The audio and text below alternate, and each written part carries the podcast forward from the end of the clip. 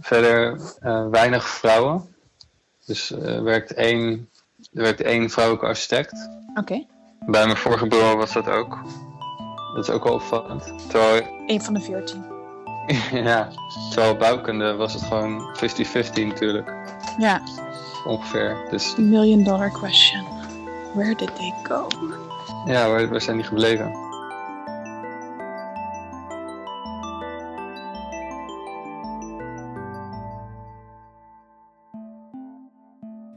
Welkom bij Respons. Wij zijn Veerle. Hoi. En Catharina. En in de zomer van 2019 studeerden we allebei af bij de Master Architectuur in Delft. En we houden ook van architectuur. Maar toch is de relatie die we hebben met het werkveld op zijn minst ambigu. Door te praten met elkaar, met de mensen om ons heen, merkten we dat de ervaringen die we hadden niet op zichzelf staan. Met Respons willen we een plek creëren voor het onderzoeken en bespreekbaar maken van feministische vragen in de architectuur.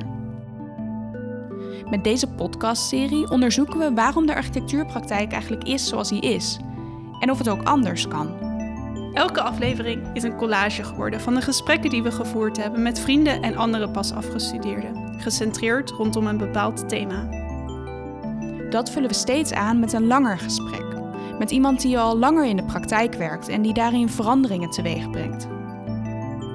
In deze aflevering is dat landschapsarchitect Nina Ravenstein. En we gaan op zoek naar antwoorden op die ene vraag. Waar zijn al die vrouwen heen?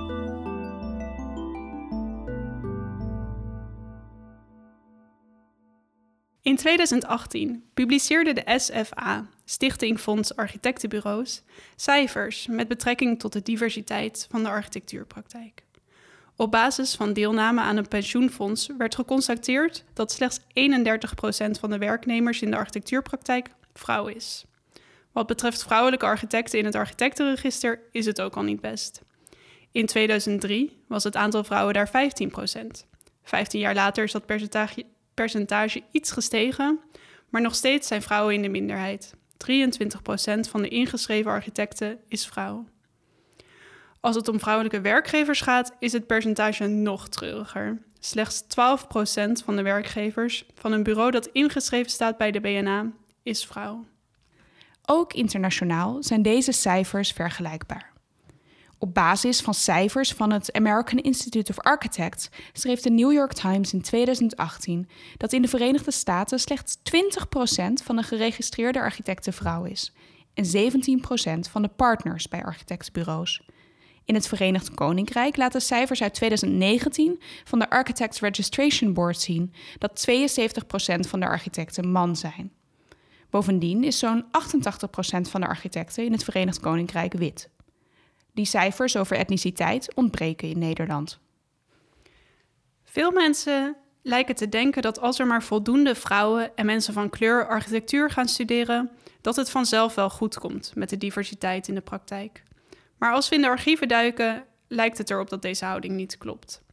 Al in 1986 werd er in de publicatie Vrouwen in de Stad opgemerkt dat misschien het tij gekeerd is. Het was het jaar dat bijna de helft van de eerstejaarsstudenten bouwkunde in Delft vrouw was. Die genderbalans op de faculteit in Delft is nu al zo'n 40 jaar gelijk. Maar waar zijn al die vrouwelijke architecten? Zouden al die vrouwen die toen zijn afgestudeerd nu niet op het hoogtepunt van hun carrière moeten zijn? Respons wordt een zoektocht naar de veelheid aan oorzaken die onder de genoemde cijfers liggen. En naar mensen en praktijken die deze situatie bevragen, veranderen of het anders doen. En het staat ook niet buiten onszelf. Want wij, Veerle en ik, tellen ook niet mee in de cijfers van de hoeveelheid vrouwelijke werknemers in architectenbureaus. We hebben dan wel best lang bouwkunde gestudeerd, maar zijn nu niet druk bezig met het halen van onze beroepservaringsperiode. Dus waar zijn al die vrouwelijke architecten? Hier zijn we. Ja, gaat hier iets mis? Catharina, als we kijken naar jouw carrière tot nu toe, dan lijkt dat een continue twijfel tussen architectuur en filosofie. Wat is er aan de hand? Ja, de eerlijke reden is denk ik gewoon dat. ehm, nou, ten eerste vind ik filosofie heel erg leuk. En ten tweede wil ik graag doen wat ik leuk en belangrijk vind. En ik denk dat ik een traditionele architectuurcarrière gewoon niet zo heel erg aantrekkelijk vind. Het voelt alsof ik me dan jarenlang zou moeten inwerken in een bureau. En ik zie voor me dat ik dan de hele tijd gebouwen aan het uittekenen ben. Dat is ook iets waar ik niet heel goed in ben. Bovendien gebouwen waar ik weinig invloed op heb. Terwijl ik veel liever wil, nou ja, wat we nu denk ik ook proberen te doen, wil nadenken en wil schrijven over de maatschappelijke en politieke issues die de wereld op dit moment bezighouden. En ook over hoe we die misschien door middel van architectuur soms kunnen adresseren. Maar dat hoeft van mij niet per se altijd door middel van een gebouw. En dat kan ik op dit moment doen in mijn promotie in filosofie. Uh, ja, en dat vind ik dus ook heel erg leuk. Maar bij jou is het ook een beetje aan de hand. Want jij, uh, het leek erop alsof je hard op weg was om als architectonisch ontwerper aan de slag te gaan. Maar je gaat nu toch in een uh, enigszins gerelateerd werkveld werken natuurlijk. Uh, bij het Rijksvastgoedbureau. En nog niet als ontwerpend architect. Dus waarom heb jij nu gekozen om niet in de disciplinaire architectuur te gaan werken? Um, ja, ik zou nog steeds eigenlijk graag in de architectuur werken. Um, maar de, de, realiteit is dat er veel werkzoekenden zijn voor weinig beschikbare en ook leuke banen. De competitie ligt dus heel erg hoog. Uh, en een pandemie maakt het niet echt makkelijker om werk te zoeken. Uh, en ook wil ik graag op een positie terechtkomen waar ik iets significants kan doen. Um, waar ik kan bijdragen aan de maatschappij en waar ik ook nog mezelf en mijn eigen vaardigheden kan blijven ontwikkelen. Um, in die zin voel ik me misschien ook niet ontwerper genoeg voor de architectuurpraktijk. Um, want ik ben in heel veel geïnteresseerd, zoals mijn gevarieerde studie ook laat zien. Ik wil ook graag onderzoek doen. Ik wil me graag bezighouden met actuele politieke kwesties. Um, daarnaast, een ander punt wat wel veel meespeelt, is dat ik uh, op een punt ben dat financiële zekerheid niet alleen prettig is, maar ook gewoon nodig. Uh, ik heb vaste lasten die betaald moeten worden, een studieschuld die op termijn afgelost, afgelost moet worden. Um, en in september start ik inderdaad als trainee bij het Rijksvastgoedbedrijf. Dus ik verlaat de bouwwereld zeker niet. Maar ontwerpen zal ik de komende tijd inderdaad niet doen. Ja, eigenlijk hebben we allebei een soort van knipperlichtrelatie met de architectuur. Ja, we hebben wel eens gedacht, zijn we dan misschien op de verkeerde plek? Wat vinden we eigenlijk interessant aan architectuur? Nou, ik denk dat um, heel veel politieke en maatschappelijke problemen, zoals klimaatverandering of polarisatie of ja, andere politieke problemen van dit moment, een, een ruimtelijke component hebben. En dat je architectuur kan gebruiken om die, die onderwerpen te onderzoeken en om te begrijpen, maar ook om ze te adresseren. En um, ja, ik denk dat een gebouw of een ontwerp is een soort voorstel. En als je dat doet, dan openen zich weer nieuwe toekomsten. En waar mijn, mijn andere vakgebied, filosofie, stelt natuurlijk heel erg veel vragen. Maar bij architectuur, ja, daar moet je ook een antwoord bouwen. Of in elk geval formuleren. En dat is denk ik heel erg waardevol. Onze overwegingen, die op zichzelf al heel gelaagd zijn, herkennen we ook terug om ons heen. Bij de mensen die dicht bij ons staan, maar ook verder weg. Om dit project meer stemmiger te maken, praten we met mensen die net zoals wij recent zijn afgestudeerd en bezig zijn een plek voor zichzelf te bouwen binnen of in de marges van de architectuur. Sihai, een vriendin en oud-studiegenoot, besloot om na haar architectuurmaster niet een baan te gaan zoeken in de architectuur. We spraken daar met haar over. Yes, I think for my personal reasons, I was mainly look at uh, the Dutch uh, architecture practice. Yeah. Um, and uh, it was not very exciting what I could find. where the pool is quite relatively small and the choices are not that many. And I just feel um, that architecture is not that uh, in, in the front of what we are dealing with globally and also if you look at the future um, what is the urgent issue um, it differs in, in different offices mm-hmm. but i think in general um, it's that kind of the thinking about the thing you produce and how you function in a bigger industry mm-hmm. and i think it's not very appealing to me and so i was already thinking uh, of looking outside uh, let's say this small pool Volgens Hai speelt de architectuurwereld niet genoeg in op de urgenties van vandaag. En ze werkt nu als ingenieur op een plek waar ze veel directer bezig kan zijn met bijvoorbeeld het adresseren van klimaatverandering en het verduurzamen van de energievoorziening. Maar toch heeft ze geen spijt van haar architectuuropleiding. It's true if you take architecture as a, a research subject, it is very interesting. You can pull all the all the elements you want and you can put into it. It's like a big umbrella that uh, shelters. Um. It can it can shelter a lot of interest, and Yeah. it, it is still a very creative thing to do on paper. But when you are in reality, you have to in, you have to interact. As I said, you, suppliers, the uh, local conditions, the client, and capital, and um, in the end, you are just making a product. It's it's as straightforward as that, and perhaps in the in the architectural school, we're not taught to see that reality. Anne van der Meulen, een andere vriendin van ons, is wel al een paar jaar tevreden werkzaam in de architectuur. Ze heeft inmiddels bij twee architectenbureaus gewerkt en haar BEP afgerond. Wel vertelde ze dat ze selectief is geweest in waar ze wilde solliciteren. En eh, qua uren zijn ze allebei ook echt wel hele gezonde bureaus. Geen eh debiele overuren. eh, niet in weekenden werken of zo. Gewoon echt gezond. Gewoon acht uur op een dag. Eh, tuurlijk is het af en toe even wat meer. Maar op een normale, gezonde manier. Zoals het bij heel veel banen is, denk ik. Dus in die zin eh, bij allebei de bureaus echt wel veel mazzel gehad met... eh, nou ja, de, de arbeidsvoorwaarden, zeg maar. En gewoon hoe de organisatie in elkaar zit. Maar dat is ook wel wat ik zelf heel erg heb opgezocht hoor. Ik ben expres niet voor een eh, NVDV en een OMA gaan werken, laat ik het zo zeggen. Omdat ik dat, dat past ook niet bij mij. Ja. Gelukkig zijn er heel veel mensen zoals Anne tevreden werkzaam in de architectuur. Maar dat Anne benoemt dat ze daarmee mazzel heeft, geeft ook aan dat het niet echt als de norm wordt gezien. Het beeld dat heel veel mensen in onze omgeving en eigenlijk ook wij zelf hebben van de architectuur is niet bepaald positief. Het idee is dat er heel veel wordt overgewerkt, dat de werkcultuur ongezond is en dat je er als beginnend architect heel weinig invloed hebt. En ondanks de negatieve verhalen die we vaak horen, zoals na je afstuderen werken voor een stagevergoeding waarvan je niet kan rondkomen, wordt dit negatieve beeld van de praktijk ook vaak genuanceerd. Ik praatte met Elie Dorsman over zijn ervaringen bij het zoeken naar zijn eerste baan.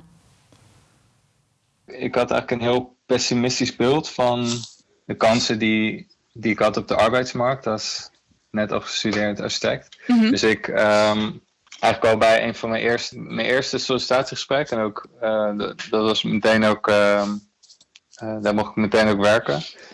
Toen heb ik ook mete- meteen heel erg aangedrongen om daar eh, te mogen werken, zeg maar. Ja. En toen heb ik ook aangeboden om eerst, om eerst te beginnen met drie maanden stage. Ja. Ach- achteraf weet ik niet of dat echt no- nodig was geweest. Misschien, misschien was ik, had ik ergens anders wel meteen terecht gekund. eh, gewoon, gewoon met een normaal salaris. Ja. En dit is natuurlijk ook niet echt de bedoeling. Maar uiteindelijk werkte het wel. En toen eh, mocht ik daar ook blijven. Dus heb ik nog wat langer gewerkt. En hoezo had je dan zo'n negatief beeld toen je voor het eerst ging solliciteren? Eh, toen ik studeerde, toen, ik, ik, ik studeerde eigenlijk precies na de crisis van 2008. Dus eigenlijk alles wat ik om me heen hoorde over de architectuurwereld was, was dat het moeilijk was. We praten dus met mensen die niet of juist wel de architectuur ingaan en daar gemengde gevoelens over hebben. In de volgende afleveringen duiken we dieper in de werkcultuur van de architectuurpraktijk, de economische omstandigheden en flexwerk en de rol die een vakbond hier wellicht in kan spelen. Maar voor nu, in deze aflevering, focussen we eerst op de vraag: waar zijn nou al die vrouwelijke architecten? Catharine interviewde voor Respons Setare Nourani, architect en onderzoeker bij het Nieuw Instituut. We vinden haar een inspirerende stem als het gaat om architectuur, dekolonisatie en genderrollen. Setari Nourani. Wij kennen elkaar sinds we in 2013 tegelijkertijd begonnen met onze bachelor bouwkunde. je lacht omdat je nadenkt Ja. over wie je toen was. Of... precies. wie ik toen maar- was. Ja, wie we allebei waren en wat voor omstandigheden. En bachelor bouwkunde, sowieso iets dat... eh goede herinneringen, slechte herinneringen. Catharine vroeg onder andere naar Setaris kijk op de eerder genoemde en treurige cijfers van vrouwen in de architectuur. Ze vertelt over een avond bij het Nieuw Instituut in mei 2019 van collectief Architecture Camp, Center for the Advancement of Masculine Practices, dat zich focust op de betekenis van genderrollen in de architectuurpraktijk en daarin onder andere mannelijkheid problematiseert. Maar daar werd die vraag heel expliciet gesteld. En eh, ik wil nogmaals itereren wat, eh, wat toen is gezegd. Want het was voor mij ook inderdaad een eye-opener. Van ja, dat zijn inderdaad de gaten waardoorheen vrouwen of vrouwlijvige, vrouwen-identificerende eh, wegcijpelen. En dat zijn de, de, de gaten van ik wil het zeggen, het juk dat heel vaak mensen met een vrouwenlichaam wordt opgelegd. Ehm, zoals eh, het ouderschap. Eh, en daarbij werd dan ook gezegd ja, dat heel veel ervoor kiezen om toch bij hun gezin te blijven, minder te werken. Eh, of dat het te lange verlof eh, hun niet in dank wordt afgenomen. Of, of ander soort verplichtingen die echt met gender te maken hebben toen dacht ik, ja, dat is misschien ook waarom, uh, of een van de redenen waarom mijn ouders mij altijd hebben gezegd: wacht met kinderen krijgen totdat je denkt dat je gelukkig bent waar je bent in je car carrière.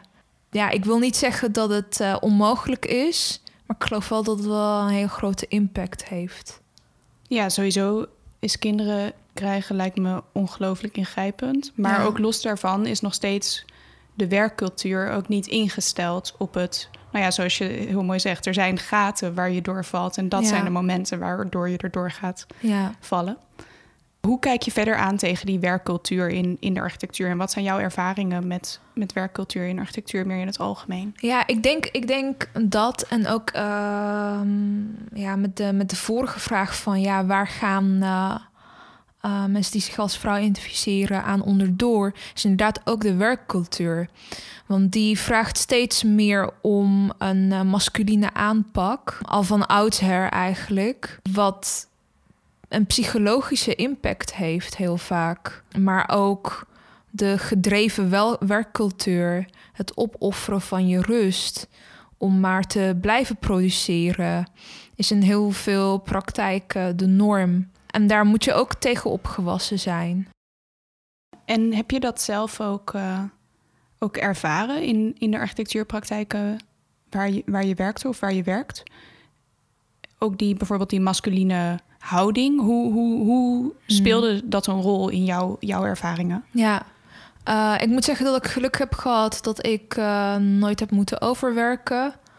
Maar dat is ook een van de harde eisen die ik had. Ik wil, eh, ik wil mijn avonden niet opofferen, want ik merk dat ik daar heel erg ongelukkig van word als ik dat wel moet. Ehm, en over masculiniteit of hard zijn. Ik denk dat we al in het begin van onze opleiding al daartoe worden gedreven door de manier waarop we kritiek kunnen, tot ons kunnen nemen. Ehm, dat we eh, oneindig vaak eh, terug moeten komen, sterker moeten terugkomen. Dan denk ik, ja, voor wie of wat? En waarom is gevoeligheid, zachtheid, eh, waarom is dat een zwakte? Ja, een beetje zorg voor elkaar. Precies. En dat aspect van zorg, dat zachte, dat feminine. ehm, ik geloof dat de praktijk daar eh, heel erg veel baat bij zou hebben. En niet om te zeggen van dat is alleen iets wat vrouwen of mensen die als vrouwen identificeren kunnen. Nee. Maar dat is iets wat traditioneel altijd met, met vrouwelijkheid is geassocieerd. En iets wat gewoon heel weinig voorkomt, misschien in de praktijk zoals die nu, nu is. Het gesprek met Setare laat zien hoe genuanceerd de vraag van diversiteit in de architectuur is. Het laat zien dat de oplossing niet alleen is meer vrouwen, meer mensen van kleur in leiderschapsposities, maar juist ook meer ruimte voor zorgtaken en de impact ervan. En meer ruimte voor een feminine aanpak in de architectuur. In het gesprek met Setare had ik ook gelijk de behoefte om dat soort van te nuanceren. Want een feminine, zogenaamd, zogenaamd feminine aanpak, die, dat is niet alleen iets van vrouwen. Het is alleen iets wat we toevallig historisch met vrouwelijkheid associëren. Ik voel me best wel ongemakkelijk bij de woorden feminien en masculien, omdat het zo binair is en ook wat essentialistisch. Maar wat we denk ik bedoelen is dat op dit moment bepaalde waarden worden geassocieerd met de architect. Hardheid, duidelijkheid en alles kunnen opgeven voor het werk. De praktijk zou misschien wel veel fijner worden als er ook ruimte is voor zachtheid, voor kwetsbaarheid en voor zorg. Het is misschien wel grappig om te noemen hoe we, toen wij beiden aan het afstuderen waren, samen met onze vriendin Yara een fysieke ruimte hebben gecreëerd op de faculteit, waar juist wel ruimte was voor zachtheid en voor kwetsbaarheid. We noemden het de crying room. Op bouwkunde wordt nou eenmaal veel gehuild, vooral tijdens ontwerpprojecten en met name de beoordeling hiervan. Maar eigenlijk gebeurt het huilen altijd in het geheim. Ja, en meestal op de wc, waar het ook nog eens heel erg stinkt. Dus ja, we wilden ook gewoon een, een fijnere plek maken om te huilen. Het was best wel opvallend, vond ik. En ook wel een soort van grappig dat de reactie op dit kleine projectje van ons uh, heel ongemakkelijk was. Vooral bij mannelijke docenten, maar ook wel medestudenten. Veel mannen met wie we spraken, en bijna geen vrouwen, waren echt uh, gechoqueerd nou ja, ten eerste dat er zoveel werd gehuild, want sommige mensen wisten dat blijkbaar niet. Maar ook dat dat dus in het openbaar zou moeten kunnen gebeuren. Ehm, terwijl, denk ik, in, in onze ervaring dat sowieso al het geval was. Zeg maar. We, we waren toch al de hele tijd aan het huilen. Dus waarom zouden we ons daar zo voor schamen? En waarom zouden we daar niet een plek voor maken? Duidelijk mag zijn dat het niet alleen gaat om toegang verlenen aan vrouwen en mensen van kleur tot de architectuur, tot de architectentitel, tot leiderschapsposities. Het gaat ook om kritisch zijn op de voorwaarden waaronder mensen kunnen werken in de praktijk. En om te kijken naar wat ze precies moeten opgeven om in die architectuur te werken.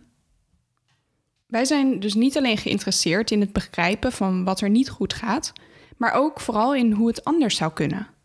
Elke aflevering zullen we daarom met iemand die al wat langer in een ontwerppraktijk werkt spreken, om erachter te komen waar zij tegenaan lopen en bovendien hoe ze proberen hun praktijk op een inclusieve manier in te richten. Een tijdje terug spraken we met Nina Ravenstein, werkzaam in de landschapsarchitectuur en sinds 2019 de eigenaar van haar eigen bureau Pad Landscape. Ja, hey, superleuk. Bedankt voor de uitnodiging en sowieso ook super tof dat jullie dit doen. Dus uh, ja, ik heb er zin in. Voor ze haar eigen bureau startte was ze werkzaam voor verschillende landschapsbureaus in Nederland. Maar ze wilde graag dingen op haar eigen manier doen en besloot zelf directeur te worden. We stelden haar een aantal vragen. Waarom ze voor zichzelf begon, wat ze miste in vorige praktijken en hoe ze graag werkt. Um, ja, eigenlijk de grootste reden waarom ik voor mezelf uh, ben begonnen... is omdat ik echt gewoon wilde werken vanuit mijn eigen normen en waarden. Um, en ook dat ik gewoon me wilde focussen op de projecten waar ik gewoon echt heel erg in geloof. Dus echt natuurinclusief ontwerpen.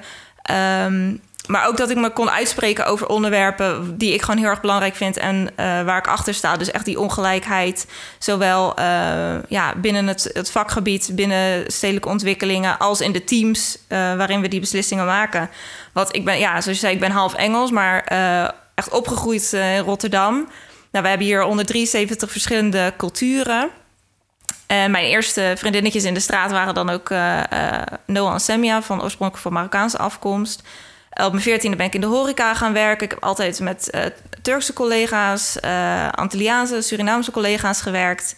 En ik zie gewoon die diversiteit die gewoon bij Rotterdam hoort, zie ik gewoon niet vertegenwoordigd binnen ons vakgebied. Ik herkende me gewoon niet meer als ik om me heen kijk um, ik niet meer het Rotterdam van waar ik ben opgegroeid. En ik word gewoon heel erg getriggerd door het feit dat de stad is van iedereen. Maar degene die de beslissingen maken over onze stad, um, dat is gewoon eigenlijk toch wel vaak nog steeds um, voornamelijk één cultuurgroep die de beslissingen voor, uh, voor de meerderheid maakt. Nina verbindt hier wie er aan tafel zit met het werk dat gemaakt wordt. Ze lijkt te suggereren dat een gebrek aan diversiteit aan de vergadertafels kan doorwerken in de plekken die worden ontworpen en waar uiteindelijk iedereen van gebruik moet kunnen maken. De relatie tussen het werkveld en de projecten die gemaakt worden houdt ons bezig en is zeker een thema dat we in latere afleveringen nog willen uitdiepen. Voor nu focussen we op de manier waarop Nina haar praktijk is begonnen en heeft ingericht. Nou, het stomme is dus eigenlijk dat ik nooit van tevoren had gedacht dat ik voor mezelf zou beginnen. Ik was altijd veel te onzeker voor en uh, ik vond andere mensen altijd veel beter. En ik dacht echt niet dat ik uh, goed genoeg was om helemaal, ja, helemaal solo te gaan. Maar op een gegeven moment kwam ik gewoon op een punt dat ik dacht, ja, ik kan gewoon niet anders. Ik, ik loop gewoon vast in mijn werk. Ik wil gewoon een bepaalde richting op en het lukt me niet. Um, dus ik, ik moet het gewoon, als ik echt sprongen wil maken, dan moet ik dat gewoon, gewoon zelf gaan doen. Um, en misschien is het ook wel een beetje het Rotterdamse in me. Want als je niet, uh, uh, ja, als je niet voelt dat je aan een bepaalde tafel past, dan bouw je gewoon je, je eigen tafel. Het lijkt nu misschien alsof je van de ene op de andere dag voor jezelf kan beginnen. Alsof dat heel makkelijk gaat. Maar goed, wat we inspirerend vinden aan Nina is dat ze nu werkt onder haar eigen voorwaarden. In plaats van zich te voegen naar een bepaalde bedrijfscultuur die ze problematisch vindt. Maar ja, bijvoorbeeld een mooi voorbeeld is misschien ook wel dat ik... Uh, aan het begin van mijn carrière ben je natuurlijk heel erg bezig... Uh, om zo snel mogelijk uh, op te groeien, zo snel mogelijk te leren, jezelf te ontwikkelen. En dat ik ook een keer de opmerking kreeg van... ja, je zou een hele goede secretaresse zijn. En voor mij was dat echt... Ja, dat was, dat was echt een klap in mijn gezicht. Maar ook een soort van... Mijn onzekerheid was altijd vanuit een soort van angstbasis. Maar op een gegeven moment sloeg het ook denk ik om in een soort van boosheid van... nee, ik ben geen goede secretaresse. Ik denk dat ik gewoon uh, vanaf nu maar gewoon directeur ben. Hey, maar nu je directeur bent, waar ben je directeur van? Wat, wat voor werk maak je? En, ja, en hoe heeft dat... Ja, je zei net al, dat heeft veel te maken ook met verschillende standpunten, met natuur inclusief bouwen ook. Hoe zie jij jouw, uh, jouw praktijk? Ja, dus uh, natuurinclusief ontwerp houdt eigenlijk in dat je ecologie en biodiversiteit vanaf het begin uh, van het ontwerpproces volledig meeneemt. Dat is echt een ontwerpstap. En ik doe dat, um, ik gebruik dat echt als een communicatiemiddel, maar ook als een ontwerptool. Zodat je echt inzichtelijk maakt van uh, je hebt, wat zijn de kansen qua natuur en ecologie en biodiversiteit.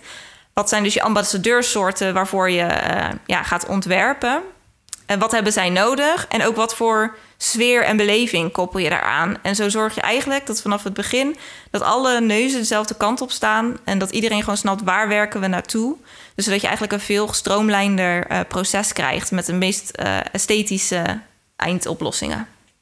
Nina ziet niet alleen haar projecten, maar ook haar bedrijf als een ecosysteem.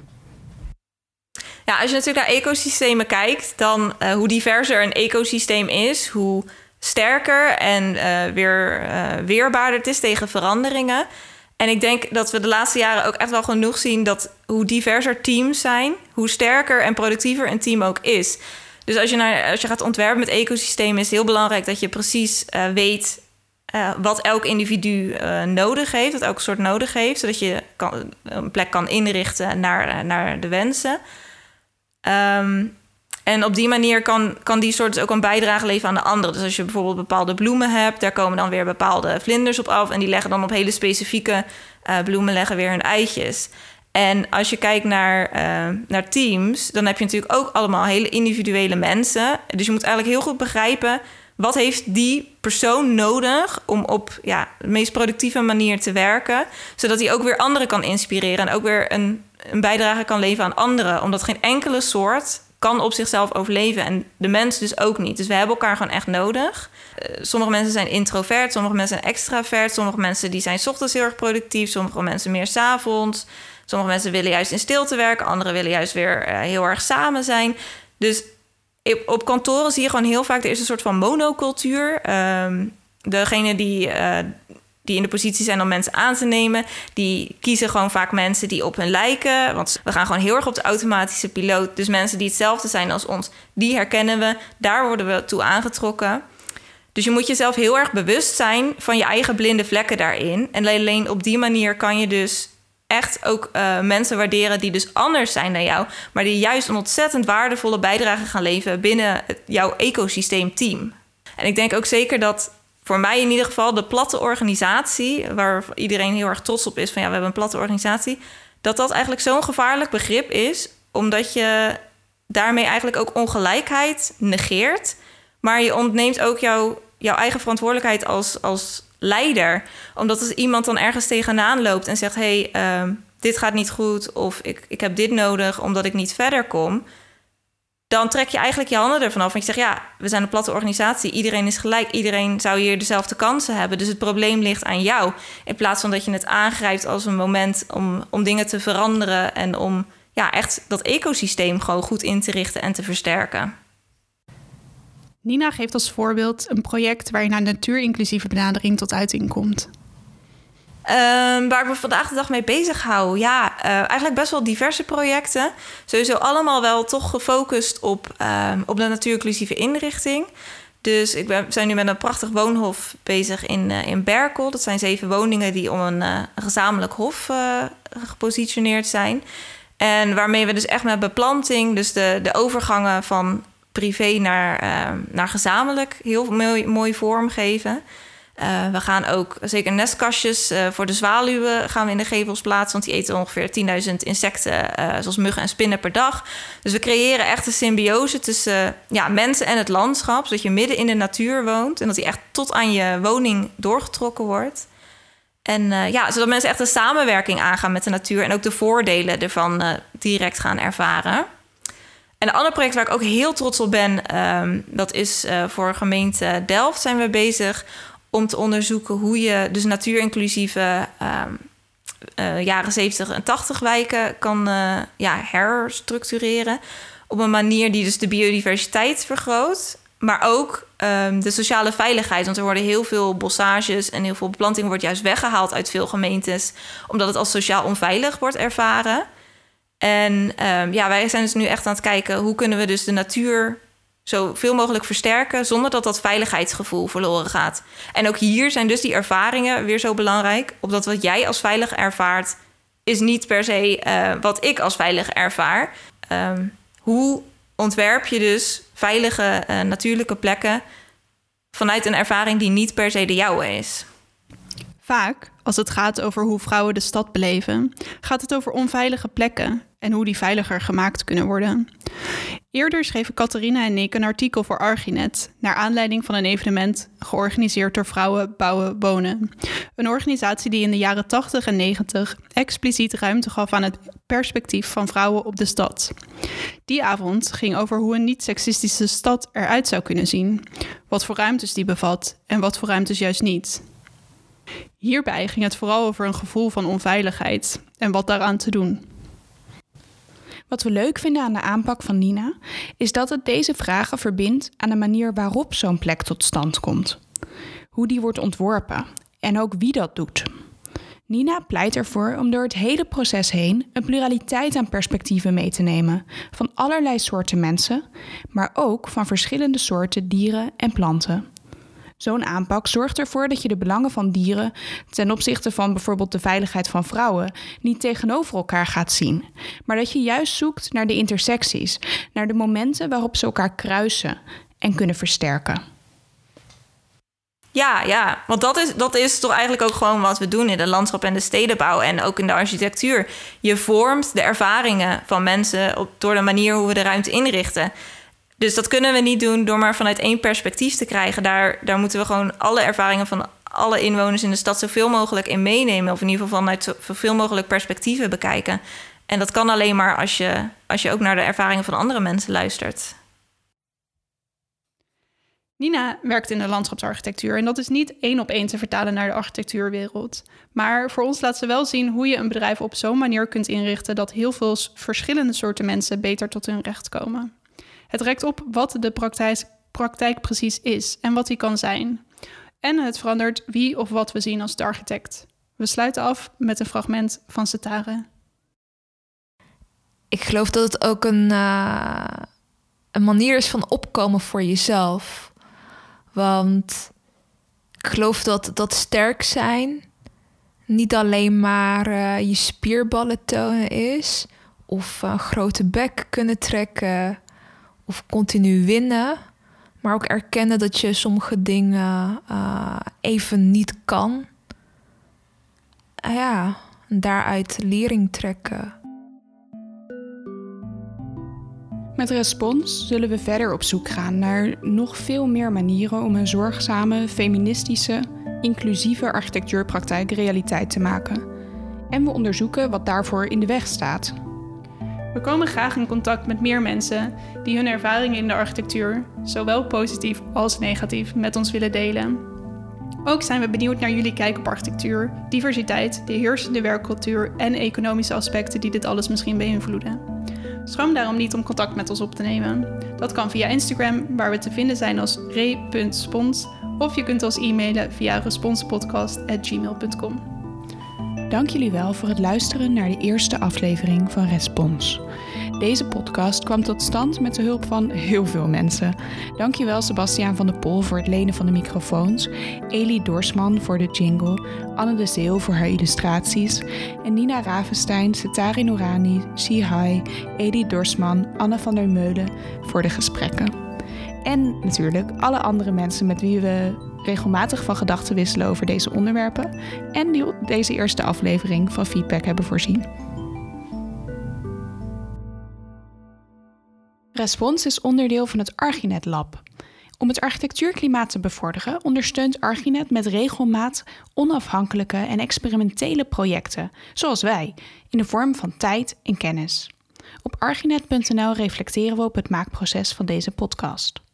Respons was niet mogelijk geweest zonder de financiële steun van de Fleur Groenendijk Foundation.